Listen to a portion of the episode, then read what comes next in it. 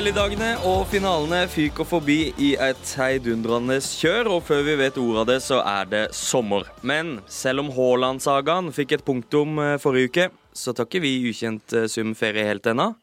Vi er her for å gi deg de største snakkisene, ryktene og overgangene i internasjonal toppfotball. Mitt navn er Jontan Falk. Jeg skal ta dere gjennom dagens meny for hva mer kan Klopp egentlig gjøre for å få sikra grep om den Premier League-tittelen? Og hva kan Pep gjøre for å sikre Champions League? En nordmann har vendt hjem, i hvert fall for en liten stund. Og hva syns spillerne egentlig selv om at vi i media spekulerer og diskuterer? Det skal vi prøve å svare litt på i dag, og jeg er her som alltid med Mats Arntzen. Hei.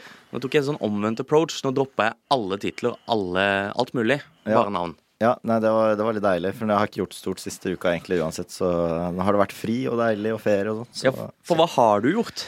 Jeg har vært en tur i Italia, da. Levd livet ved, ved Basseren. Og, men faktisk så ble det en liten tur på Milan-Atalanta på søndag. Det så temmelig sjukt ut. Snek inn litt jobb. Ja, det var, det var faktisk ganske vilt. Det var jo over, ifølge Gazzetta over 200 000 som søkte om billett i matchen. Det var 80 000 der. Helt stappa. Og da de sang den der Will Griggs on Fire-melodien, så var det, det Hele fucking stadion gynga så til de grader. Det var sånn Du lurte på kommer det til å rase nå eller ikke. Så nei, det var noe av det villere jeg har opplevd av atmosfære, faktisk. Uh, vi kan ta det med en gang, da, at uh, en kar som faktisk er uh, Milan-eiendom, gikk bort og tok et trofé i går. Ja, så vidt, da. Han er jo Enn så lenge. Enn så lenge. Så han går jo til Eintracht Frankfurt nå permanent i sommer, og vant Europaligaen uh, på straffer. Det var så stas. Jens Petter Hauge heter han. En liten Ja, det var, jeg hadde glemt å nevne hvem det var, men det er Espen Hauge vi snakker om. Eh, Det er en liten premiere for oss eh, i dag, fordi eh, vi har rett og slett besøk av den aller første profesjonelle fotballspilleren som jeg vil tippe har satt sine bein i dette studio noensinne. I hvert fall så vidt jeg kommer på i, i farta. For her sitter vi med Stabæk-spiller Fredrik Krokstad. Tusen takk for det. Obos går det som, det går som profesjonell. Ja visst gjør det det. Ja. Du regner deg sjøl som proff, fotballproff? ja jeg, jeg gjør jo det, da. Jeg håper det. Ja, jeg gjør det. Har fått en, har dyr bil og leilighet og sånn. Og det er jo det er ikke måte på. Åssen er livet for tida, Fredrik? Nei, det er fint. Det, nå er det mye kamper også, så, så det blir ganske kjør. Men det er jo sånn vi vil ha det. Og så har det vært litt, eh, litt blanda resultater eh, som gjør at det, det kunne vært bedre. Men eh, jeg har det fint, altså. Jeg har det. Spiller kamp i dag, i hvert fall i dag for oss som spiller inn. For deg som hører på, så er kampen spilt. Men eh, er, hvordan er liksom eh, Hvordan er nervene på en kampdag? Eh, De har jo ikke kommet inn helt enda, men eh, det er en sånn der eh, pirrende følelse, da. Det er noe spesielt med kampdag. Og så, så er jo cupen Jeg syns i hvert fall første runde i cupen alltid er litt ekstra moro. Det blir som regel folkefest. Og nå møter vi, nå møter vi Lyn også, på, på Bislett, og det det bør jo bli litt folk, da. Jeg husker jo Lyn Vålinga der i fjor, så det blir nok ikke samme trøkket, men, eh, men det blir en fin ramme rundt, eh, rundt kampen, så det gjør at det blir litt ekstra gøy, da. Og så er det jo et bananskall, altså vi får prøve å vinne kampen. Det er det som er litt sånn skummelt med disse kampene òg. Det er en kul kamp, og så er det, det er ikke noe walk in the park eh, den matchen heller. I Nei. Nei, jeg var, jeg var nede på um, Holmenkollstafetten og titta på banen her på, på lørdagen. Og vi har jo vært litt sånn i media klagd litt på Nadderud, eh, men når jeg ser den bana der, så, så, så skjønte jeg at her, eh, her blir det ikke så mye finspill, men eh, det blir en fin eh, match, og Lyn er ganske bra. Så det blir, det blir tøft, altså. Vi må være påskudd, for det er ikke noe walk in park. Spennende. Vi sitter jo her uh, uke inn og uke ut. Uh, begge av oss uh, Ingen av oss gode nok til å spille fotball på profesjonelt plan, så vi valgte å ta en utdannelse hvor vi kunne snakke om det i stedet. Men det er jo noe dere i, i gamet må forholde dere til. For det, det, det svever jo rundt dere eteren, alle som skal mene noe, alle som skal tro noe. Åssen er det for dere spillere å liksom forholde dere til hva media skriver og og, og, og diskutere rundt. Nei, jeg tror det er eh, veldig delt der. Noen syns det er veldig fint å bjude på eh, og ønske mye PR, mens andre er jo helt motsatt og ønsker å ikke si noen ting og leser ingenting. Eh, så jeg tror det er litt sånn todelt. Men eh, jeg syns jo det er fint at det blir litt eh, Altså all All PR rundt eh, norsk fotball for så vidt er jo bra, tenker jeg. da. Og at man tør å bjude litt på, er, er fint. Så mitt forhold til eh, journalister og sånn er, eh, vil jeg si er veldig bra.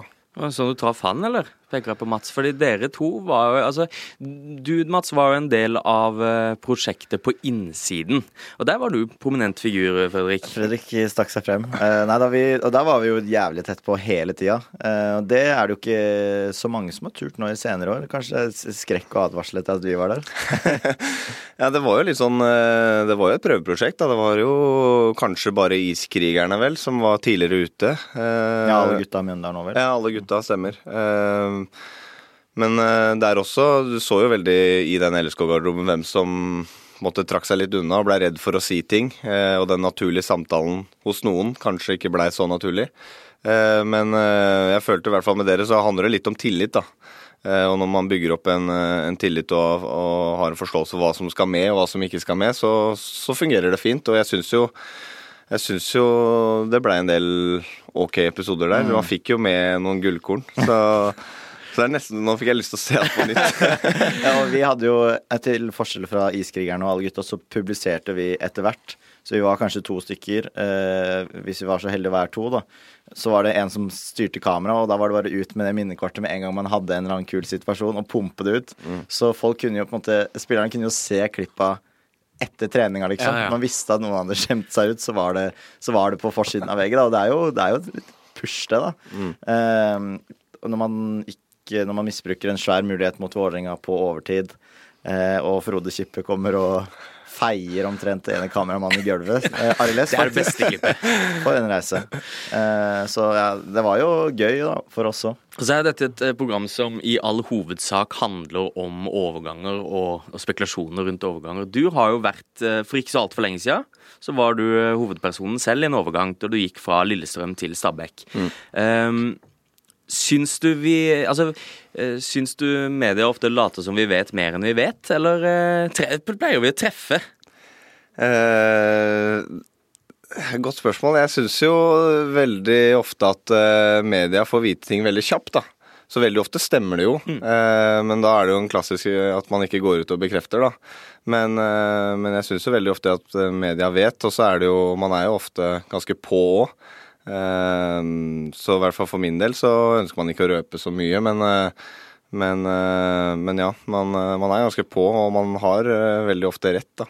Um, men det er klart min overgang var ikke så stor. Da, så var det kanskje ikke, trengte ikke å holde korta så tett til, til brystet, men, men Nå er du ydmyk. Men, men, ja, det er litt sånn Man ønsker jo egentlig ikke at ting skal komme ut for tidlig heller. Også Hvis man tar f.eks. Lillestrøm og Stabæk, så kan man vel si at det er eh, en skala hvor det er såpass mange personer som sitter på informasjon, da, eller som hører noe, fordi eh, Som når du sier, når det ikke er så nøye at noe info kommer ut, så er det jo mye enklere at eh, ting når ut til oss. Og mm. da er det jo ma mange man kan spørre også for å få nyss i det. Og så hender det jo noen ganger også at at man kanskje ikke pumper det ut med en gang, da, hvis eh, noen av aktørene ønsker at kan du holde igjen litt, liksom. Eh, for det, alt er ikke på plass, faktisk. Mm. Så for da, da, da, risikerer du å melde noe som er feil også, hvis plutselig noe ryker på, på detaljer her eller der, da. Vi kommer til å grille deg mer på hva som skjer på innsida av en overgang. Mm. Men uh, vi kan uh, først fortelle litt om planen videre. For i løpet av episoden så skal vi som vanlig ha ja, de faste postene våre. Vi skal ha en drømmeovergang etter hvert. Fredrik har med seg en brannfakkel. Håper jeg. Har du lyst til å tease litt hva den går ut på? Nei, jeg tenker han er, eh, den er såpass spennende at vi kan, uh, at vi kan vente med den til, til senere. Skjønte litt. Bra. Nei, men la oss se litt på hva som har skjedd siste uka, da. Og eh, siste uka er vel feil å si, for nå skal vi faktisk begynne med å se litt framover i tid. I England så er Premier League i ferd med å avgjøres. Det skjer nå til helga. Og Store er sånn nå at hvis City slår Aston Villa, så er de mestere. Avgir de poeng, så er Liverpool mestere dersom de slår Wolverhampton. Så dette avgjøres jo i siste runde. Eh, for en sesong det har vært i England. Ja, så mange, altså Den der topp fire-kampen har jo vært helt vill. Altså Arsenal skulle jo hatt full kontroll på det der, f.eks., eh, og har klart å surre det bort på merkelig vis. Manchester City har vel grei kontroll, har de ikke det? Jeg føler jeg får litt sånn vibber sånn ja, nå blir det spennende, og så blir det 6-0 i siste mm. kamp der, og drept etter 20 minutter. Hva tror du? Jeg, jeg er litt enig med Arntzen der. Jeg tror City de har stålkontroll. Eh på det her. Det er klart det lever jo, da, men, eh, men eh, City er såpass bra at dette dette går veien. Men det hadde vært gøy hvis det ble en sånn eh, City QPR-variant. Det Det, hadde vært drømmen, for det skulle jo være avgjort da òg. Eh, og så skjedde jo alt mulig som man husker fra 2012. Eh, så det er, jo, det er jo drømmen, kanskje, at man får en sånn avslutning på det, da. Eh, men jeg tror både Spurs og City de har såpass greie kamper òg at det bør gå, bør gå fint for dem. Jeg har eh, skjønt det som at du sympatiserer med Arsenal. Uh, og når han sier nå at det ser ut som det går for Spurs, det gjør vondt, eller? Det gjør vondt, det er, eh, men vi har jo bare oss sjøl å takke. Det, det skal ikke gå an, ass. Det er, det er litt sånn typisk Arsenal, da. Når du drar i land Eller snur en dårlig trend og vinner et par kamper på rad, og så, så har du Tottenham der, og så, og så kollapser man helt, da. Og drar på seg rødt kort, og det er bare Men du er ikke på Arteta out, liksom? Nei, nei jeg syns, jeg syns han eh, har gjort det ganske bra, jeg. Jeg, jeg er tilhenger av han. Og jeg syns uh, Arsenal-laget ser spennende ut. Så det, det lover godt, men det er klart det er surt da, å ikke klare den fjerdeplassen. For jeg, jeg tror ikke det går, rett og slett. Eh, og i hvert fall på den måten med å ja, bare safe inn en U da, mot Tottenham der, og så i tillegg klarer å rote det til mot Newcastle nå, så, så er det litt bittert. De har vel 3-0-5 på siste åtte eller noe sånt. Det er Ja, helt ja. fryktelig. Mm. Uh, skal jo ikke være Det er jo dessverre veldig typisk Arsenal blitt òg, da. Det det. Ja, men så trodde litt man at Vi trodde vel at, at nå var de litt på vei ut av det, fordi de så bra ut en periode. Og uh, Doubters became believers og alt det der. Og ja, men så er det bare same old. Ja, ja. det er- det en det klassiker. er helt, helt fryktelig. Og de hadde jo eh, De var vel foran Tottenham med tre kamper til gode, eller i hvert fall to kamper til gode. Eh, og de kampene de hadde òg, så veldig ut som ok, nå, de, det går ikke, er ikke mulig å surre vekk der. For de hadde veldig enkle kamper enn få store matcher. Men jo da, Arsenal klarte det igjen. For, for å ta en liten roundup på eller Bare peile tilbake litt på, de, på det du nevnte, Mats, om, eh, om at dette er typisk at vi spiller opp at det blir spennende nå, siste serierunde. Eh, det er Anstein Friling som tweeta en ting som jeg bare syns var interessant. Fordi han påpeker at det er tredje gang på åtte år at ligamesterskapet står mellom City og Liverpool i siste runde. Første gang var i 2014. eh, og da måtte City vinne hjemme mot Westham for å bli mestere. Da vant de 2-0. Og så i 2019 måtte, spille, måtte vinne borte mot Brighton, vant 4-1. Eh, og nå har de Villa hjemme. Så dette er jo på en måte noe de har Det er en situasjon de har vært i før. Og de gangene de har vært der, var planke. Så det, det virker jo som Ja, det virker kanskje som de har kontroll, da. Ja, under Guardiola så har det jo vært sånn. Eh, ser ikke helt at Aston Villa skal klare å Nå så jeg Martinez kanskje var ute òg for eh, Villa, så det er jo også en smell eh, for, eh, for dem. Uh, Nei, jeg klarer ikke helt å se at City surrer det vekk, jeg. Dette Gerrard-narrativet, da. altså Man snakker jo om at Gerrard har han har ekstra lyst til å slå City nå, fordi han kan endelig hjelpe Liverpool til det ligagullet han aldri fikk. Uh, Gary Neville derimot gikk ut og sa det at han kan ikke si det til sine spillere. At nå må vi vinne som det, for det driter jo Villa-spillerne i. Men tror du at han på en måte tar noen ekstra grep for å hjelpe Liverpool, eller er det bare Eller er han ferdig med det? Det er et godt spørsmål. Jeg, jeg, eh, innerst inne så tror jeg han, eh, han Så tenker han nok det, at han har lyst til å hjelpe Liverpool, men jeg tror eh, ikke han kjører den approachen til, til gutta sine. Det tror jeg han er for profesjonell til å gjøre. Det blir litt sånn Jon Arne Riise-opplegg, men Men åssen hadde du reagert da, hvis din trener, eh, altså ikke nødvendigvis den du har nå, men en hypotetisk trener kom inn og, og på en måte prøvde å peppe opp dere for å vinne en kamp som gagner trenerens tidligere lag? Hvordan hadde du reagert som spiller da? Nei, hvis, vi, hvis Kjøne hadde kommet da, og sagt at vi må vinne nå fordi at vi møter et lag som kan gjøre at Grorud berger plassen eh, Jeg tror jeg ville synes det hadde vært rart. Altså. Ja. Det, er, det er ikke så rart at du ville synes det var Hvis, eh, hvis han kommer inn og, og liksom Var det det dere gjorde nå tidligere? Eh, Jeg får klare 1-1 der. Men, eh, men ja, ja, det hadde vært, det hadde vært snodig. Eh, og jeg tror nok det, det er nok flere som har sittet og undrende da, ja. Hva tror du, Mats? Tror du at Gerard på en måte eh, I den rollen han har som Aston Villa-manager, er han nå 100% Aston Villa-fan? Eller er det liksom Klarer han å legge lokk på Liverpool tilknytning der? Altså, det, det er jo litt tvega, da, fordi det er jo det er nok 100 Villa-fokus, men den vil jo alltid være Altså, det Liverpool-båndet til Gerrard er så sterkt at det vil jo alltid være der uansett. Um, så jeg tror han har lyst til å å altså, å være, den som ødelegger for City, det er, tror jeg helt klart.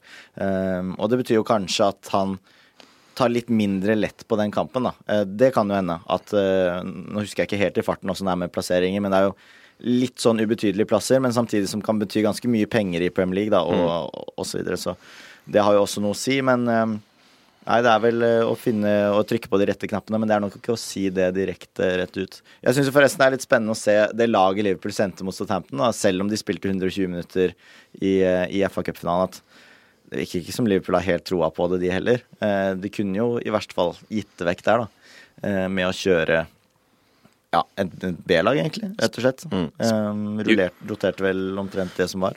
Ja, det var, vel, det var bare Alison og Konaté mm. som starta fra kampen før. Så gjorde ni bytter der. Eh, det er vel Champions League som står i fokus nå?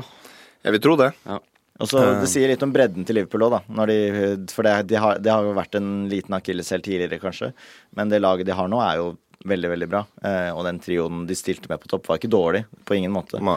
Men eh, litt overraska over at han gikk så rundt på det. Så jeg vet ikke om det påvirker om City ser at nå har Liverpool gitt opp, så de senker skuldra litt, kanskje. Dersom Liverpool slår Wolverhampton, så ender de på 92 poeng. Det er ikke sikkert det gjør de til mestere, for City kan likevel ta det. Uh, 19 ganger så har Premier League-lederen blitt mester med mindre enn 92 poeng. Og så For en tid tilbake så var det litt forskjell på antall kamper som ble spilt og sånn, men i hvert fall 19 ganger så har et lag blitt mester. Altså United har jo blitt mestere med sånn 77 poeng eller sånn mm. uh, for, noen, for, for, noen, år tilbake. Uh, det må føles for, som en forbannelse for Klopp nesten å konkurrere i Pep-æraen. For det, det, å ha et så godt lag som det Liverpool har nå, mm. og spiller så bra, likevel så går det ikke. Altså 92 poeng er ganske sånn spinnvilt, da. Eh, sammenlignet med de andre ligaene også, så er det jo et poengsnitt som er altså skyhøyt. Så jeg Altså hvis jeg hadde vært Liverpool-spiller og ikke vunnet serien med 92 poeng, så hadde jeg vært eh, ja, ganske irritert. Men allikevel, så, så vinner de alt annet, da. Så kanskje det gjør det litt lettere å svelge den karamellen, men uh... Men tror dere ikke at Klopp, at det er Premier League, det er liksom det Det er den tonen Ta tilbake the fucking perch som, uh, som uh, Ferguson snakka om. Tror du ikke at den sitter dypest for Liverpool som klubb? Jo, men det, det, er vel noe av det som gjør at City og Liverpool utvikler seg så vanvittig. Det er jo den driven Liverpool har til å slå City, og samtidig som City har den Champions League eh, driven, og at de, de, ikke klarer å vinne det. Og det bidrar nok til at de lagene bare fortsetter og fortsetter og fortsetter å utvikle seg, da, og at Klopp hele tiden klarer å gjøre Liverpool enda litt mm. bedre. Og det er jo helt vilt imponerende. Men eh, du nevnte at det, hvis du hadde vært Liverpool-spiller, så hadde du altså, vært frustrert. Eh, men fortell litt om det, da. Altså, si at du er Du spiller i et lag som, eh, som spiller med selvtillit. Dere vinner alt som er av kamper. Likevel så, så er det et lag som er bare det lille kneppet bedre. Åssen følelse sitter man med da etter sesong? Du har levert en nærmest perfekt eh, ja, sesong, og likevel så går det ikke. Føler du da at OK, neste år går det, eller er det sånn Nei, men da må vi prøve skal vi prøve med et annet sted, da, eller? Jeg tror nok, eh, jeg tror nok det er litt eh, begge deler. Både frustrasjon, men også masse motivasjon. da. Det er litt som du er inne på, det at de ikke klarer å ja, La oss si de vinner alt, da. Så, så er det fort at man, at man kanskje ikke blir mett, for det, de vil jo alltid ha mer. Men at uh, når det er to lag som kjemper eh, om tittel og Champions League, så, så, gjør det, og de ikke får det til, så tror jeg det gjør at man blir enda mer motivert. da, eh, Og gjør at de pusher hverandre. Eh, så jeg er litt enig med det du sier, Mats. at eh, det er nok litt, eh, litt sånn at den kampen de har seg imellom, gjør at eh, man tar steg hele veien da, eh, og pusher hverandre til å bli enda bedre. For det nivået de har, er jo skyhøyt. Hvem av de trenerne Nå skal du få velge. Begge trenerne står klar for å hente deg. Hvem velger du? Jeg tror jeg hadde gått for Klopp, jeg, altså. Ja. Fortell hvorfor. Nei, Jeg er litt fascinert av han. Jeg syns uh, Jeg tror eh, Pep er nok bedre fotballfaglig, men jeg, den, den, typen Klopp er, syns jeg Det ser så kult ut å spille for Klopp. Altså, selv om du ikke har spilt på ti matcher, så, så, så er det som en sånn eh, fars, eh, farsfigur, nesten. Så han ser ut som han har stålkontroll på den gruppa der, og virker så varm og god og rett og slett herlig. Så den energien han har, tror jeg ville ja, den smitter over på spillergruppa, så det er derfor jeg er litt sånn ville valgt Klopp da, kontra Pep. Litt som du sier, Mats, at uh, han sender ut på en, uh, en gjeng som ikke har spilt fotball på, uh, på månedsvis, noen av de. Minamino, Harry Elliot, de har, ikke, de har, jo ikke spilt på flere måneder. Går ut, leverer en kjempekamp, drar det i land. Så, så de går jo virkelig i krigen for, for manageren. Ja, ja, det er, men det er jo noe av det å holde folk i gang og, da, og vise at du har tiltro til troppen. Det er ekstremt viktig også med tanke på den nye sesongen for en del av de spillerne og se at de kan spille viktige kamper. En del av de som ikke har spilt på ja, si 8-10-12 mm. kamper, da, og se at du faktisk får tillit i en kamp som har direkte innvirkning på ligagullet. Det gjør at kanskje en del av de squad-playerne er der en sesong til, bare at de fikk tillit til den matchen, tror jeg, da. Det kan jo Fredrik kanskje svare Jo, jeg tror nok du er inne på noe. Det det er jo kjedelig for en spiller som sitter på benken og ikke får bidra i de viktige kampene. Eh, og når du da, som Mats sier, at kan ha en direkte påvirkning på, på om det blir ligagull eller ikke, så, så, tror jeg det gjør noe med hele, hele gruppa. Eh, og, at de, og i tillegg så spiller de bra.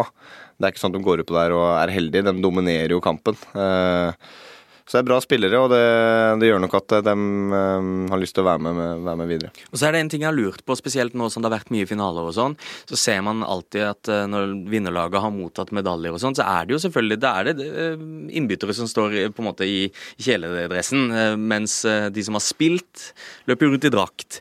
Og mange av de som satt på benken, har jo gjerne ikke spilt noe særlig i turneringa i det hele tatt. Likevel så hopper de og danser med medaljer rundt halsen, og så lurer jeg bare på hva, hva, slags følelser sitter man med da? Føler man at dette, denne medaljen, har jeg vært med å vinne, eller deltar man mer som, som fan? Hva, hva, tror du? Jeg tror eh, det kommer litt an på gruppa, da. Eh, hvis det er en veldig god gruppedynamikk og alle jobber for hverandre, og man har den eh, eierskapet til prosjektet da, som jeg tror Klopp har klart å skape, så tror jeg alle føler at uh, den jobben vi gjør på treningsfeltet hver dag, uh, er det som gjør at vi tar medaljer, sånn at alle føler at de har vært med og bidratt.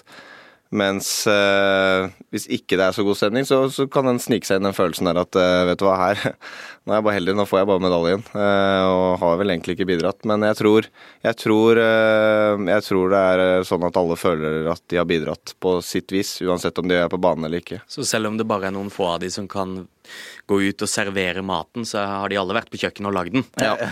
Men akkurat i FA-cupen og Liga-cupen så har jo Harvey Elliot og Minamino, som du nevnte, f.eks. bidratt ganske sterkt. Spesielt Minamino er vel Er han ikke nesten toppskårer? Han eh, ble vel Liverpools toppskårer i begge turneringene, tror jeg. Ja. så... så... han har jo bidratt. Det har han definitivt. Ja. Mm. Eh, det ryktes jo spillere inn til disse klubbene, da, selv om de, eh, selv om de på papiret virker bortimot komplette. For å begynne i City så har jo de allerede henta den største fisken i i dammen. Haaland er klar, men de stopper ikke der, ser det ut til. For i går begynte medier, bl.a. Sky, å melde at Mark Kukureya årets spiller i Brighton, Bekken, sto på ønskelista til Pep. Uh, og det er vel kanskje bare den venstre bekken til City som det går an å peke på som et i gåseøyne svakt punkt, eller? Ja, men en Walker Cancelo-duoen er ikke akkurat dårlig, den heller, ass. Nei, men, og men hvis... måten de spiller på, fordi eh, Cancelo går jo ofte opp i midtbaneleddet, så det har nesten vært en fordel, syns jeg, da, at han har spilt fra venstre.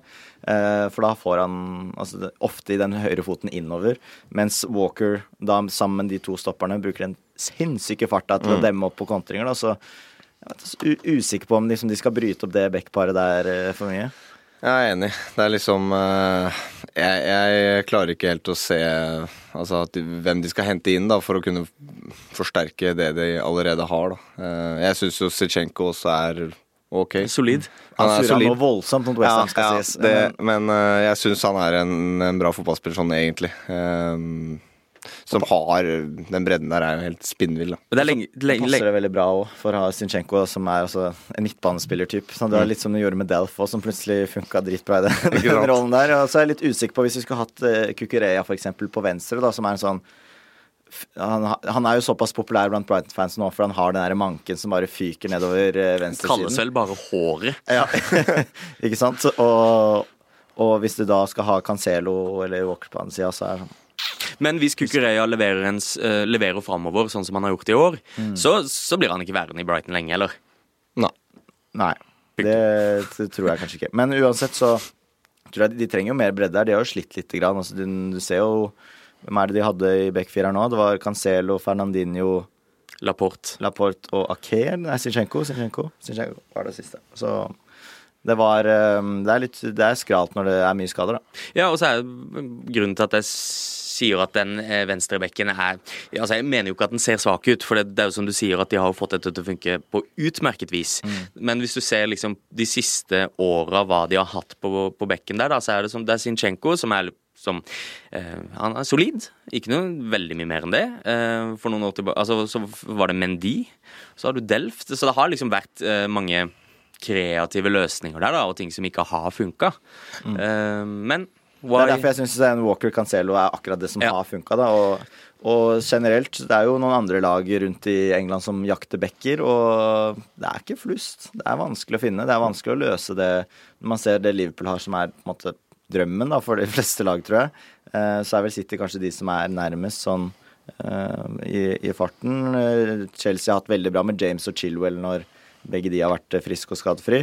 Mens Manchester United, der må det vel kanskje inn to, sannsynligvis. Én på hver side, minst.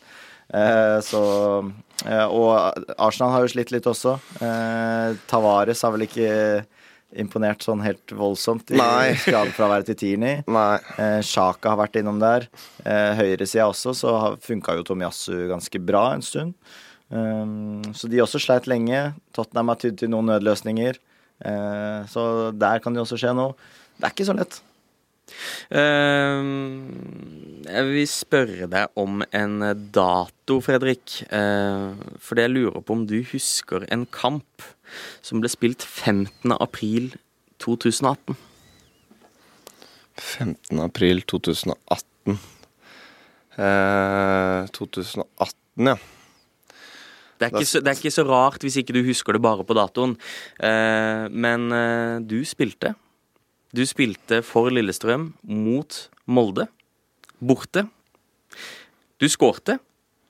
Skåra Ja, det kan tenkes, det. Og da Erling Braut Haaland ble matchvinner, tenker jeg. Han skårte i hvert fall ett av Moldes ja, mål. Ja. Eh, ja, han ble vel Nå husker jeg det. Han, ble, han skåra vel på straffe, og så hadde han et sinnssykt forarbeid til overtidsmålet. Det sånn er det. helt korrekt. Ja. korrekt.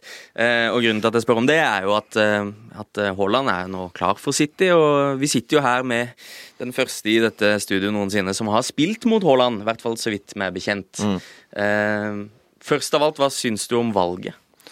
Eh, jeg syns det er spennende. Eh, det er klart det er vanskelig å sette meg sjøl i hans situasjon, men, eh, men jeg, jeg, hyller valget. Premier League, det blir moro. Og så tenker jeg at det har vært mye rykter til, til Real Madrid og sånn, men jeg tenker at først Premier League, og så blir det Real Madrid senere. Så men hvordan var han å spille mot Altså På det tidspunktet så var han jo Hva var han her? 17-18? Mm.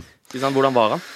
Uh, han var jo Altså, så at han hadde noe, da. Men jeg husker jeg, jeg husker jeg først møtte han i Kisa i 2016, ja. ved Bryne. Ja. Og da var han innbytter, og da var han jo, var han jo ganske hengslete og akkurat på vei inn i den perioden hvor han eh, skulle bygge muskler. Så det hang liksom ikke helt sammen. Uh, og da tenkte jeg dette her kan jo ikke gå, da. uh, men uh, så tok han jo sinnssyke steg, og den, mm, når han først fikk tillit til Molde, så, så skjøt han jo fart, da. Så du har sett hele veien at det, at det ligger noe der, og han har jo en råskap som ja, som du ikke har sett hos veldig mange andre, i hvert fall. så uten at jeg kjenner ham veldig godt, så er det ikke noe tvil om at han, han hadde det som skulle til. Da, for Hvil, å, hvilket, Hvilket øyeblikk var det du skjønte at Haaland var så god som han er? Ja, det var vel kanskje den i det 2018-sesongen. Eh, for jeg husker at Frode Kippe den sesongen der var fortsatt ganske solid og alltid vært sterk og overlegen i de fysiske duellene, men i den kampen der så, så var det en som matcha Frode Kippe. Og det var han, og da var han ikke ferdigvokst engang. Og da tenkte jeg at han her har et internasjonalt snitt da, i den fysikken sin med å stå imot og klare å på en måte ikke herje med Frode Kippe, men det var nesten litt sånn. Men hvordan reagerer Frode Kippe når det kommer en 17-18-åring og begynner å Jeg lurer på om han, meldte litt på Frode Kippe òg, vet du. Eh, I den kampen der. Så han har, jo, han har jo Det er noe frekt over han. Eh, eh, men eh, jeg, jeg husker vel at Frode syns jo nesten det var litt stas da, eh, å få, for det var en sånn kamp i kampen. Eh, en ordentlig fight hele veien. Så jeg tror han syntes det var litt, um, litt artig òg, da. Hvem er den verste til å melde av de du har møtt? Åh, så det er mange som er gode til å melde, ass. Kristoffer Løkberg prater jo fælt, da. Uh, men han melder kanskje ikke så mye, han er bare irriterende. Uh, Heltene Nilsen er jo er jo fæl. Er du fæl sjøl, eller? Nei, jeg tror ikke det. Jeg tror jeg har litt mer glimt i øyet. Jeg håper i hvert fall det. Eh, Jeg kan være litt på dommer og sånn, men jeg tror jeg er ganske sånn ålreit. Hvis du hadde spurt medspiller eller eh, motspiller, så tror jeg de hadde sagt at eh, jeg er ganske ålreit på banen. Men ja, det er de to jeg kom på nå som er Jeg var jo på Viking Glimt nå nylig, og da du hører Løkberg helt Det høres ut som en sånn måke som har kommet inn på banen fra tribunen. Du hører liksom hele veien. Men det som fascinerer meg, er at han klarer å prate så høyt og så mye mens han er sliten. Ja. For det er jo Da- du må- er det kapasitet. Ja, for, der er det kapasitet, ja. For du må jo løpe sjøl. Ja. Og, det, og det å skrike og, og brøle og styre årene, det er jo fryktelig tungt når du løper. Så det er ganske Det skal han ha. Det, det er godt gjort. Vikingspillerne var jo veldig misfornøyd med Ulrik Saltnes i den kampen. Mente han også prata mye. Var litt sånn, kunne være litt nedlatende og, og, og så videre. Eh, og det kulminerte jo i, da, og i en situasjon òg. Men jeg tror også det gjaldt litt intervjuet og sånn etterkant. At det var sånn nei, Kunne ikke glede seg til finalen og, og litt sånn. Da var var det litt frustrasjon hos vikingspillerne. Så det er gøy altså hvordan den interne greia er, og hvordan noen spillere kanskje ikke går overens, og andre altså ikke tåler trynet på hverandre. da. Eh, og at man da kanskje husker det igjen til neste kamp. Ja. Om, det er, om det er sånn. Ja, det er jo litt sånn. Og så syns jeg det er ganske øh, interessant at de som ofte er verst på banen, er de som er superålreite utenom. Ja. For det er noen du tenker som når du møter dem på banen, som er forferdelige mennesker. eh, og krangler på alt, og det er liksom ikke noe glimt i øyet eller sjarm, ingenting. Og vi Men nevner møter- fleng. og vi nevner fleng. men, men, men når vi går av banen og møter i en annen setting eller eh, ikke er i kampens hete, så er det ålreite mennesker. Det er sånn, eh, altså Jeg kan jo ikke nevne med, med, med bevis i hånd, men jeg ser jo for meg at sånn Pål André Helland er han er en fyr som er glad i å prate, men virker jo som en veldig ålreit fyr. Ja. I hvert fall mitt inntrykk. Jeg kjenner han ikke, men eh, det er mitt inntrykk. Ja, han også kan jo være eh, litt sånn, da. Eh, melde litt og ut på banen der. Så han, han, han er typen til å ta i bruk alle triks i boka, da. Eh, for å vippe det i, eh, i sin favør. Og, men samtidig så har han jo kanskje Han har litt glimt i øyet òg, da. Men øh, fryktelig fin fin utenom, da. Eh, Og raskt, bare siden vi snakka om harde spisser å møte, eller harde spillere, hvem, hvem er den hardeste du har møtt? Som det gjør vondt å møte? Det er, det er for så vidt en, eh, en medspiller også, da, men jeg kommer ikke utenom Bonke Innocent. eh, som jeg konkurrerte med. Eh, han var eh, Han var for så vidt ikke motspiller, men han, eh, han var fæl, altså. Han eh, gikk i så hardt at det, du, hadde ikke noe, du hadde ikke noe å stille opp med, rett og slett. Og hver dag på trening så sto Arne Erlandsen og hylla Da var vel du litt innom og hylla at han trøkka til. Og jeg hadde ikke noe, hadde ikke noe å stille opp med. Og selv, i en, selv i en veldedighetskamp uh, hvor vi skulle hylle, hylle Frode Kippe, så stilte jo han opp og trøkka til noe jævlig. Så det Ja, det, jeg har bare vonde minner med, med han. Så han har overlegen seier. Da har vi no- få- Og så er det noen av spillere som har sånn at de Det er som om albuene og knærne deres konstant er uten altså de, de, de har ikke som De er bare så harde, da. De er dritvondt eh, å møte. Det er, sånn er det på trening òg noen ganger, og det tipper han kanskje var litt ekstra sånn. Ja, ja. Du kjente det i kroppen. Og så når det gjelder det der med Det er jo Jeg vet ikke om du, de som er på banen som eh, melde mye om du føler at det er kontrollert eller ikke. Fordi jeg har et uttrykk som jeg kaller for fotballangst. Mm. Som er den følelsen eh, ganske ikke så veldig lenge etter at jeg har vært på trening eller kamp. Og dette er, nå snakker vi femtedivisjon Oslo, hvor du har oppført deg så til de grader idiot. Og du tenker sånn Hvem er jeg? Du begynner å tenke Er jeg, er jeg en bra person? Ja. Også, det, og det er da angst etter å ha sagt og gjort dumme ting i fotballpåvirket tilstand. Det er da fotballangst. Eh, som er det samme som fylleangst, egentlig. Bare ja. eh, hvor du er litt skjelven og litt, sånn, litt redd for å se folk i øya. Men jeg har sett deg live, eh, så jeg kan jo skjønne hvorfor du har eh, Ja, du forstår hvorfor ja, den eh, ja, kjenner på det? Jeg har jo vært og sett på Mads Arntzen live. Eh, ikke bare én gang, men flere ganger. Og det koker der, altså. Det koker og voldsomt. Ja, ja, altså jeg kjøper den 100% Men det er jo evnen til refleksjon uh, i ettertid som beviser at du kanskje faktisk er et godt menneske. da, For det, de ekte rasshøla går hjem og spiser middag og ser på Netflix som om ingenting har skjedd. Mm. Ja, det som diskuterte her med en annen fotballspiller også forleden, at det er rart hvordan man ikke kan ha noe sinne på noen andre områder i livet. Selv på liksom de mørkeste, fuktigste kveldene så er du liksom Du blir, blir ikke sinna, liksom. Eller det er liksom ingenting som opprører. Men akkurat de 90 minuttene på fotballbanen så kan du bare miste det helt fullstendig. Eh, mm. Det, er, det, er, ganske fascinerende òg, da. Um, så mye, noe jeg tenker mye på. Er, men på, på, laget vårt så er det sånn Der er det en del som har spilt på si ålreit nivå, da. Som har De fleste som spiller nå på 50-laget mitt, har spilt høyere, og de færreste har spilt lavere. Og da er man jo vant til at det er litt, litt sånn. Jeg har spilt andre steder hvor du spiller på Hvis du mister det på bedriftskamper og sånn, da, med folk som kanskje ikke har spilt siden 7. og 8., da, og du får huden full av en idiot som jobber på sporten, liksom. Den er tung etterpå. Og du må gå og liksom unnskylde deg, og folk går hjem og er litt nedfor og ja, Nei, det er ikke bra. Jeg må peile oss litt inn eh, på eh, på den internasjonale fotballen igjen. Fordi jeg ville bare ta opp en, en liten ting, og det er, er Pogba. Det kom jo meldinger for, en, for, ikke så fryktelig lenge siden om at City nå plutselig var interessert i å hente han. Han går gratis, kan signere for hvem han vil. Uh, og mitt spørsmål til dere Du pleier jo, Mats, å si når du ikke tror på noe, så pleier du å rope 'agentspinn'. Men uh, nå er det litt så uklart hvem som er agenten hans. Uh, ja. Men dette er jo spinn i ekte Mino Raiola-ånd, er det ikke det? Mm. Jo, litt. Men Pogba, det blir Juventus. Det føler jeg meg helt sikker på. ikke PSG? Ah, så nå, nå, skal jeg, nå, skal jeg, ikke påberope meg full oversikt her, altså. Det, men eh, jeg bare følte jeg så her om dagen at det her virka veldig, veldig Juventus-retning. Men eh, så klart, det lønner seg å koble på andre mulige destinasjoner. Sånn er det jo de store overganger internasjonalt. Og da er det Manchester City og, og PSG, da, som kanskje er to klubber som har råd, og som kan konkurrere med Juventus. Hva? City tror jeg ikke skjer, altså. Det vært, men det hadde vært det hadde jo vært kult på et vis, da. For det hadde vært det mest eh, det som hadde på en måte vært uh, ja. Det det, det mest kontroversielle valget. Vet du. Ja, ja, det er det ikke noen tvil om. Jeg tror ikke det blir City tror jeg du kan utelukke ganske greit. Og så er det jo selvfølgelig Juventus eh, reelt, men eh, og, og, Pogba til PSG, det er liksom det siste PSG trenger, egentlig. da Det er jo enda en som ikke gjør jobben.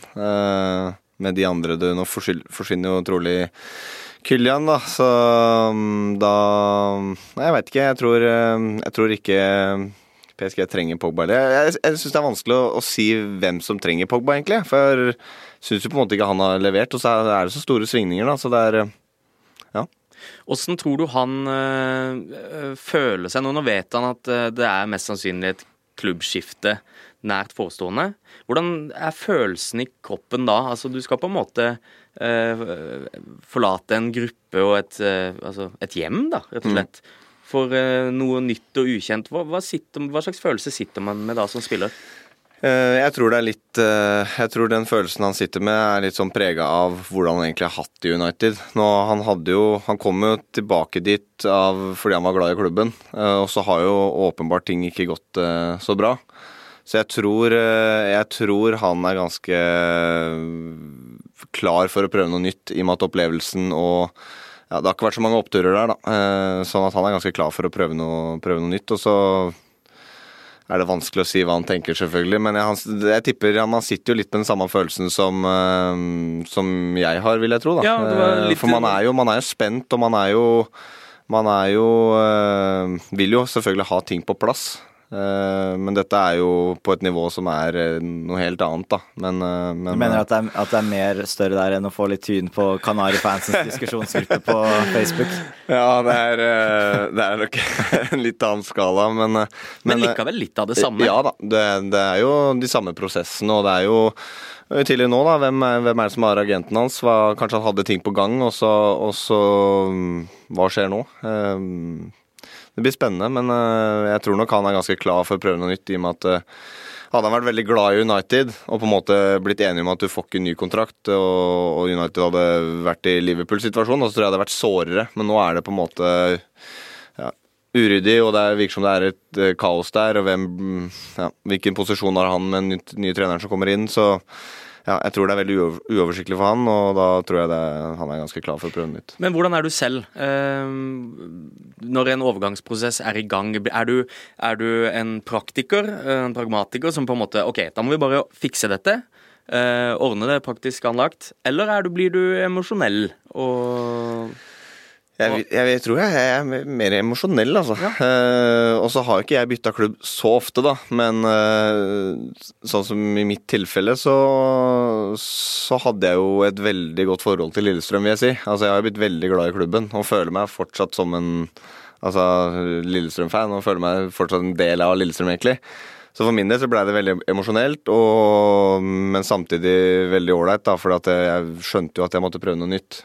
Så det var den derre Altså, man hadde jo noen gode samtaler, og det var eh, Man blir jo man forstår hverandre og man ønsker hverandre det beste, og da, da går det veldig greit. Eh, men, eh, men, det er klart, det er jo det er jo tøft, selvfølgelig. Det er et stort valg i livet. Ja, det er jo det. Så Men er det sånn, um, bare for å ta litt sånn uh, vi, er, vi, er, jo overgangsnerds. Vi er interessert i hvordan det faktisk funker, da. Mm. Er det sånn at du uh, La oss si da at man har fått beskjed av klubben om at nå vi kommer ikke til å fortsette med dette. Hvordan eh, sitter du da og ringer du opp agenten hver dag? Ringer han deg? Altså, eh, hvordan, hvordan blir liksom tida etter du har fått den beskjeden? Det blir jo å prate med agent, selvfølgelig. Eh, og så spørs det litt hvordan man vil ha det, da. Noen er jo veldig opptatt av å få oppdateringer hele veien. mens mitt Hvordan jeg gjør det, er jo mer å Hvis det kommer noe som som jeg føler er uh, reelt, da, og som, er, uh, og som, er, noe jeg har lyst til, uh, så vil jeg vite om det. Jeg vil ikke vite om alt som kommer, men For da blir det støy, eller? Ja, da blir, sånn, blir det vanskelig å forholde seg til igjen, da, hvis det er nye klubber hele tiden. fra alt. For det kommer jo, sånn jeg har skjønt det, da, så er det jo mye rare forespørsler. Det kommer jo fra alle altså Det kan dukke opp muligheter her og der. Mens man har jo på en måte en prat på forhånd, litt hva man ønsker, da, og hva man ser for seg. Og så hvis det dukker opp noe innenfor de innenfor det man selv ønsker, så kan man få vite om det, og da kan man ta det videre, da. Men, det, eh, det, er jo litt av en agentsjobb å sile ut hva ja, som ja. er reelt og ikke, da. Og vite, vite um, hva man skal si og ikke, og, og holde igjen det, da. Ja. Men har det vært rare forespørsler? Eh, det har jo vært noe. Eh, ikke supermasse, det er sikkert ikke alt jeg veit om heller, men det har vært noen noe rare forespørsler, ja. Kan du si noe mer om det? Nei, nei, jeg kan jo Det kom jo, bare for å nevne noe, det var vel Dundalk, liksom. Ja. Som, da var det i Europaligaen. De var, eller var ikke, jo, var ikke de Jo. De var i hvert fall en av ja. om det var ja, det, eller ja. Så det var liksom jeg tenkte liksom Det har jeg egentlig aldri tenkt at en sånn klubb skal dukke opp, men det er jo ja, det er jo sikkert et ok nivå, da, men det er jo i kategorien ikke reelt, da. Okay. Eh, så det var enkelt og greit å avslå. Men det er gøy da at du nesten blir minnet på ja, faen, den klubben ja. fins. Ja, og så er det mye så kan jo dukke opp interesse fra overalt, på en måte. Hvor, hvor seriøst det er, det er jo vanskelig å forholde seg til. ikke sant? For det, det er veldig lang vei fra at det, noen er interessert, til at det faktisk blir noe av. Så er det det som er litt vanskelig å Det er jo litt det er litt av grunnen til at man kanskje ikke vil vite om alt også. ikke sant? Ja, ja. For da får man forhåpninger. Du veit det er litt mer liksom, hvis det er det som Torgeir Bjarmann han hører og sjekker Er det mulig å få Krokstad hit? Ja. Det, er, det, er, kanskje litt enklere å tro enn at det er en uh, klubb i et uh, annet land som uh, du ikke helt kjenner klubb eller nivå eller Ja. noen ting.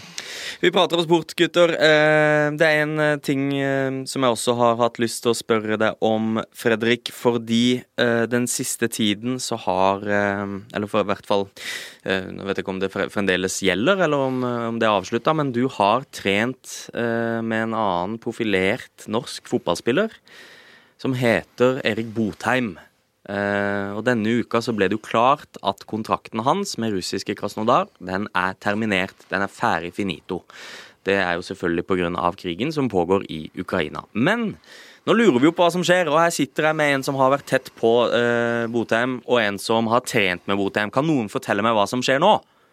Jeg ser på Fredrik først. Han må jo ha gjort jobben og, og gravd litt i Hva er det som skjer nå? Du må ha spurt et par ganger. Ja, jeg har, det er klart jeg har uh, spurt. Uh, jeg kjente ikke Botheim så godt fra før av, men uh, fryktelig fin fyr. Og sånn jeg har skjønt det, så har det jo vært eh, ordentlig kaos. Altså. Det er, han har vært veldig usikker på hva som egentlig skjer, og det er, skal rapporteres inn til Fifa, og det er han og et par andre som sitter i en sånn ja, vanskelig situasjon, da. Og det Det er jo litt sånn eh, vanskelig å, å finne ut av hva han tenker, for han holder korta tett i brystet. Men man har jo sagt det at han ønsker å få eh, den Krasjnor-saken ut av verden før han på en måte bestemmer seg, da. Eh, og dessverre så har jeg ikke noen klubber å, å komme med. Eh, der har han vært veldig ordknapp, men, eh, men eh, jeg tror nok han, han ønsker seg nok til de store ligaene. Og så er jo, som vi også har prata om, hvor altså, han har jo ikke spilt fotball på en stund, da. Nei. Så han, han Hvilken hylle kan man velge på nå, er det som vi har prata litt om, da. Det, og som blir litt spennende, for så vidt. Eh, men eh, han har i hvert fall holdt seg i gang ganske bra hos oss, eh, og vært med en god stund. Og du ser jo at han har noe, da. Så det, Ja, det, han har, jeg er jo imponert. Eh, det er klart Vi trener jo på en sliten kunstgressbane, som ikke er all verden, men du ser at han, han, eh, han er en bra fotballspiller. Så at han finner seg en bra klubb, det er jeg overbevist om. Men så er spørsmålet da, hvilken, eh, hvilken hylle det blir på. Eh, Han kunne jo mer eller mindre ja, velge og vrake tidligere, men nå er det jo ja, kanskje litt vanskeligere. Kom med forslag til hylle, da, Mats. Jeg, jeg tror det kan bli ganske bra, da, med tanke på det han leverte så sent som i høst. Så tror jeg at mange klubber nå, hvis når han kan hentes billig, eh, at mange er villige til å ta den sjansen, fordi det er ikke så stor risiko, da. Eh, og for han og for agent og sånn, så er det jo en fordel at du har en spiller som er ganske enkel å flytte, da. Det kan jo også bety en del ekstra penger eh, til det er, det er En spiller som er, står fritt, da, kan jo da få høyere lønn og en bedre avtale enklere, fordi den totale pakka blir, eh, blir likevel blir lavere når det ikke er snakk om noe overgangssum. Så han står jo med forholdsvis gode kort med tanke på at det ikke er så lenge siden eh, Han spilte jo så sent som i mars, vel, for Krasnodar òg, så. Det må jo være helt oppe der med de aller, eh, i mangel av et bedre ord, rareste utenlandsoppholda en norsk spiller noensinne har hatt. Altså, det var, han var jo ikke, slett ikke den eneste nordmannen som var i Russland på det tidspunktet, men det var noe med, eh, med rammene rundt overgangen. Altså, han ble den dyreste spilleren ut av Eliteserien noensinne. Eh, hadde nettopp skutt Bodø-Glimt til seriegull. Og så blir det verdenskrig, og så faller det sammen. Nei, så han, eh, han er nok eh, Han har fortalt han er litt bitter sjøl for at eh, det ble som det ble. For at han var såpass fornøyd med overgangen, og med trenerne var han Farke som var trener der, og han var såpass fornøyd med, med starten der, da. Og de hadde et lag som også var bra, så vei, hvis han presterer der nede, så er veien kort videre, ikke sant. Så han følte vel at alle brikkene falt på plass og var klar for å virkelig ta steg, da. Eh, og så går Og så ja, blir det jo krig, da. Og da ja, det, jeg skjønner at eh, det er vanskelig og det er surt, men eh, så har han jo også nevnt det at, det, at en klubb betaler 100 millioner for deg, viser jo at de, de har tro på deg. Du skal spille. Mens når du står fritt, så er det litt usikkert hva du går til. Så er da er spørsmålet, hvis du går til en storklubb, og så hvor mye er du med i planene? Det er jo også en vurdering, for helt åpenbart så har jo han hatt tilbud eh, fra ja, de store ligaene, men han følte vel at Krasjnov var det riktige med tanke på de planene de hadde for han. Mens nå er det jo mer usikkert hva Altså, den klubben han velger nå, hvilke planer har de? Så det er jo, vil jeg tro, kanskje er den største bekymringa hans, da. Uten at jeg skal si det sikkert. Det blir Men, eh, spennende å se uh, hvor eh, Erik Botheim havner til slutt. Uh, resten av lista mi skal jeg bare krølle sammen og kaste på dør. Vi skal videre i programmet. Uh, så vi går videre til Fredrik Kåkstad sin brannfakkel.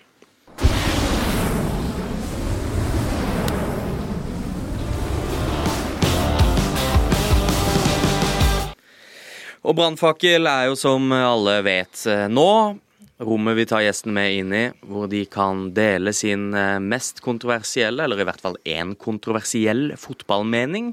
Så må målet da være å overbevise de som hører på, og vi som sitter her i studio. Har du med deg en kontroversiell mening? I kontroversiell og Ja, jeg, jeg føler vel egentlig det. Eh, jeg har jo tenkt litt, og eh, det er jo en ting som irriterer meg litt òg, da. Eh, fordi det siste året så har det jo vært mye fokus på VAR i Norge. Eh, og så har det vært mye styr med at eh, klubbene har stemt imot, og det har vært mye frem og tilbake, og så blir det jo nå VAR. Men Og jeg selv er jo motstander av VAR, da, egentlig.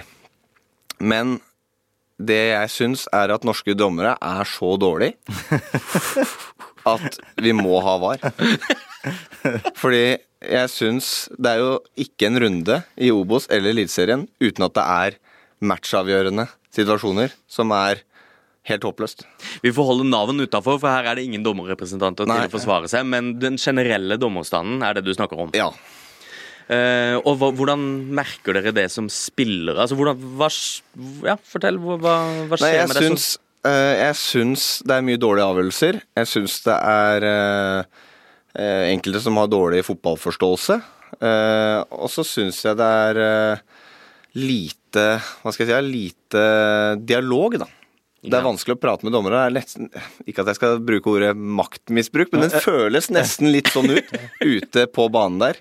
At det er eh, lite samarbeid, da. Ja, for det burde jo være det første man får på plass. Eh, altså det der å kommunisere med de du det er, du, du jobber jo faktisk Det er jo de du jobber med. Mm. Eh, de du har rundt deg på banen der. Så fotballforståelse er jo selvfølgelig viktig, men i mitt, mitt hode så vil jeg jo si at det viktigste er at du faktisk klarer å kommunisere hva Ja, du da kommer man unna med, med mye mer, da. Eh, og så er det jo noen dommere som er bra, selvfølgelig.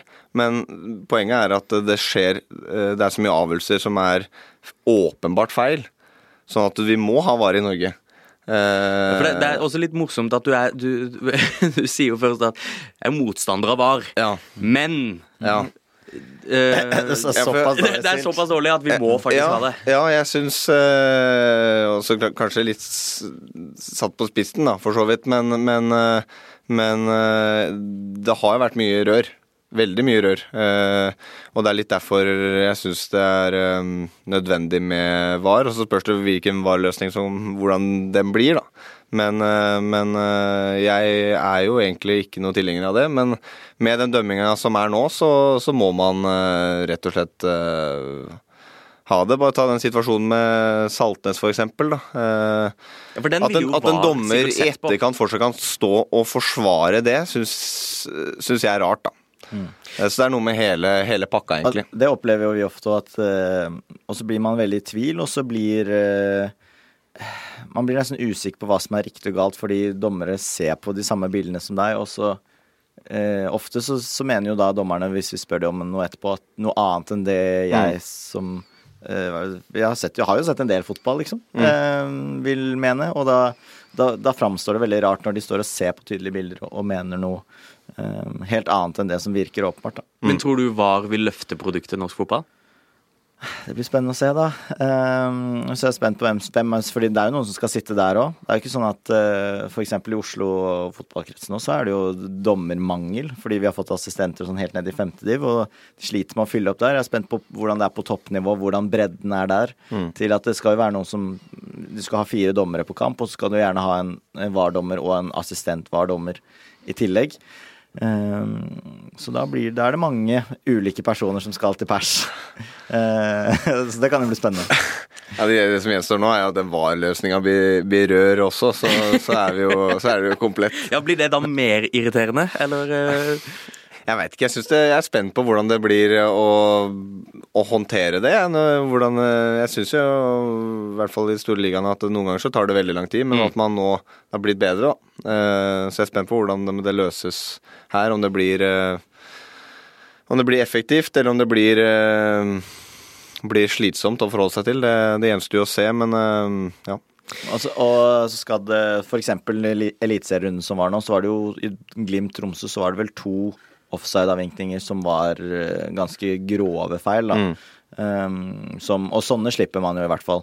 Men uh, jeg er spent, mer spent på de der uh, de med nyanser og de, de, situasjonene der, og i hvilken grad man skal, skal ta de. Jeg syns jo det ofte Det skaper ofte mye trøbbel og, og frustrasjon, nettopp fordi noen hvis du har en varesituasjon hvor noen gjør feil, så har de sett, sittet og sett på bildene fra alle vinkler. Det er vanskeligere å akseptere enn at noen kanskje ikke fikk det med seg. fordi hvis man spiller en kamp og en dommer gjør noe dårlig i, i lavere divisjoner, så kan de si 'sorry, jeg så det ikke', eller 'jeg fikk det ikke med meg', eller hvis, hvis de er flinke til å ha dialog, så, så slipper de egentlig unna med det meste.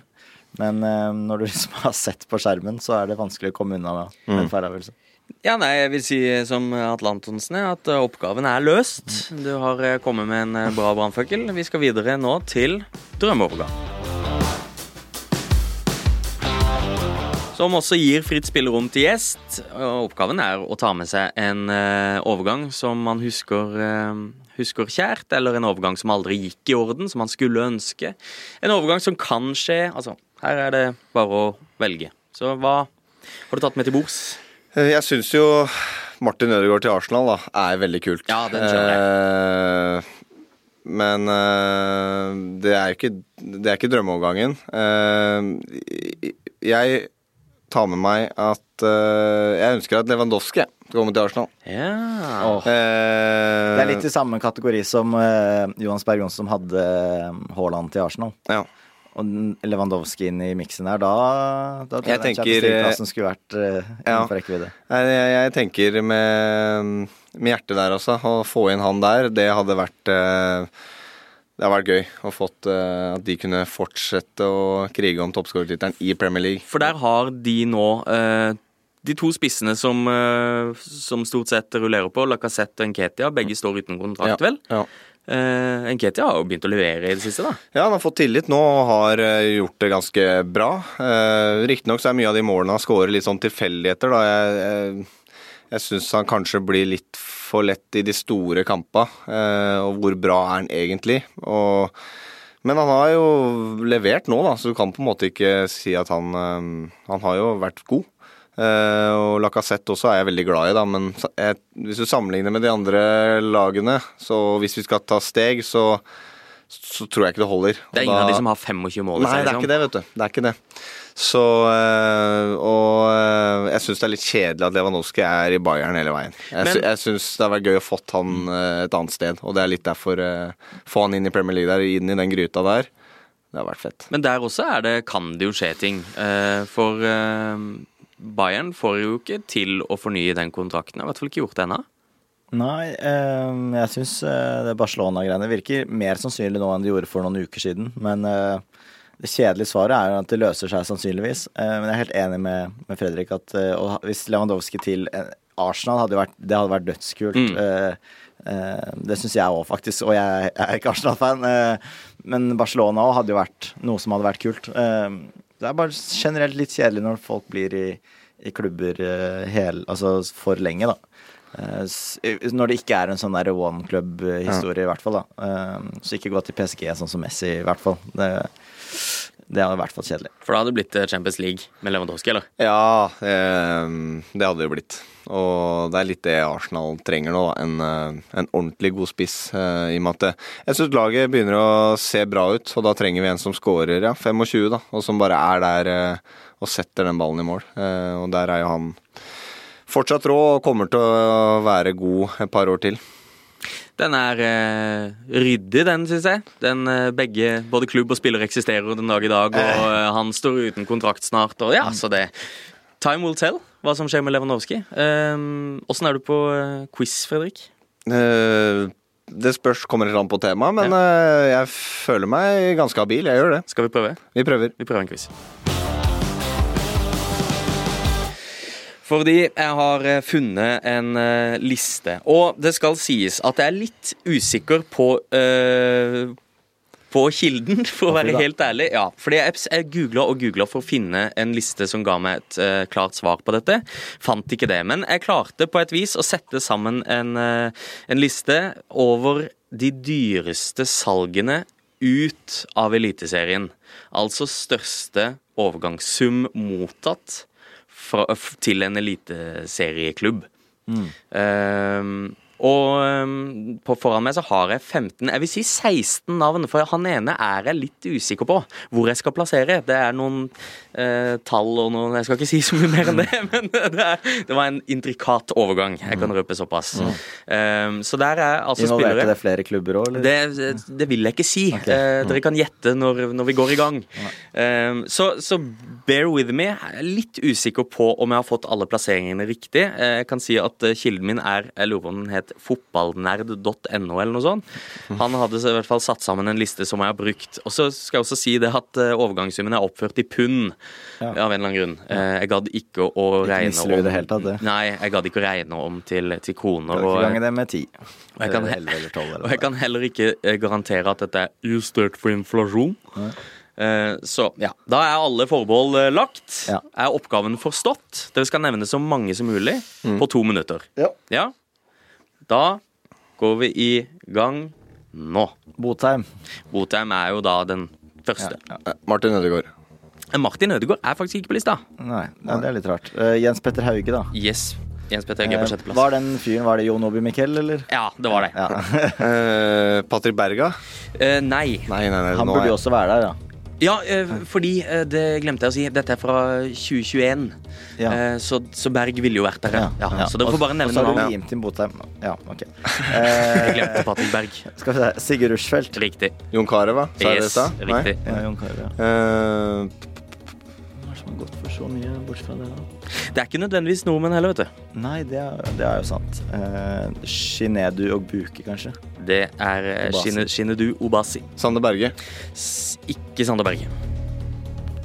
Ja, for ja, han gikk jo via gitt. Eh, hva med eh, han uh, Ejuke? Eh, ingen Ejuke her. Nei. Moia. Ja, Moi er eh, på lista. Hva Nei, unnskyld. Eh, Moa? ikke Moi, Moa. men fetteren hans. Ja. Tariq. Tariq. Eh, ikke Moa heller.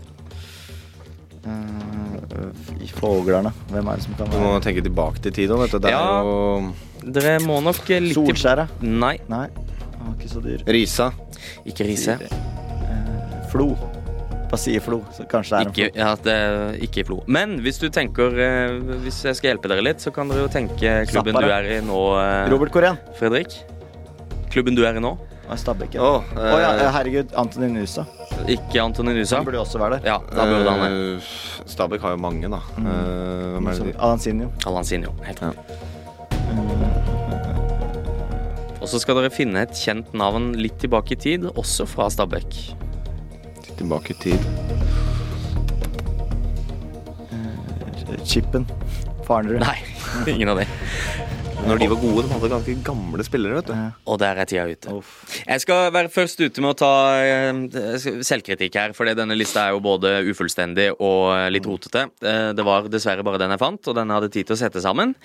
Men dere fikk jo en del. Eh, Dere tok Botheim, Mikkel Karev eh, Det var ingen av dere som sa Haaland, det syns jeg var litt rart. Ja, det var litt rart. eh, JP Hauge, eh, eh, Edu og Alansinho og Tariq var det dere tok. Eh, resten av navnene jeg har på lista, er Vegard Forhen, Molde til Southampton.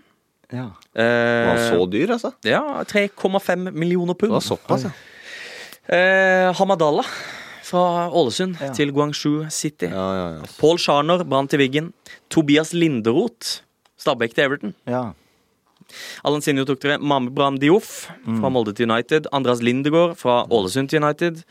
Rushfeldt tok dere. Og så har vi He eh, Vegard Heggem fra Rosenborg til Liverpool. Det var navnet jeg hadde foran meg her. Eh, ternekast på liste. Eh, to. Jeg stoler ikke på det. men, eh, men eh, det var i hvert fall Nusa, Antonio Nusa og Patrick Berg og et par av de burde jo vært der, men det kan hende ikke er helt fresh oppdatert. Men var Botheim med, altså? Han, nei, men han var den jeg huska. Så, Ah, sånn, ja, sånn, ja. så dette var på en måte det, det er litt resultat av de største overgangene per 2021, og litt de jeg huska. Det spørs hvor mye penger Bodø-Glimt sitter igjen med nå, da, når det ble terminert der. Det blir spennende. Ja, er det full eh, Altså, de fikk i både pose og sekk, de der. For. Ja, men jeg de tror fikk- ikke de har fått, jeg tror ikke de har fått alt. skjønner du. Nei, de, ikke alt ennå, men eh, de har jo fått eh, Frode Thomassen sa på det årsmøtet til Glimt at de hadde fått den største Så han har bekrefta at de har fått den største Ok. eh, betalingen, som er antatt på rundt 60 millioner eller noe sånt. Og så eh, sier de at de har ikke um, um, Altså at Krasnodar har betalt alt de skulle til nå, da. Og de, de forventa å få, få Ja. alt. Men det kan vel hende at ikke alt kommer inn. Jeg vet ikke. Vi er ved veis ende, vi. Fredrik Kokstad, det har vært en eh, ære og en glede å ha deg her. Jo, takk for at jeg fikk komme. Og lykke til med kampen i kveld. Jo, takk.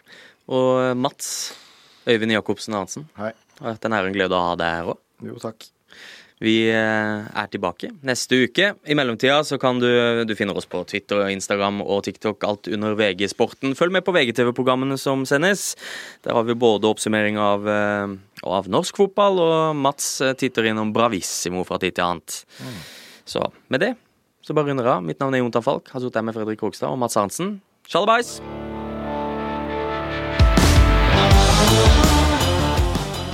Du har hørt en podkast fra VG. Ansvarlig redaktør, Gard Steiro.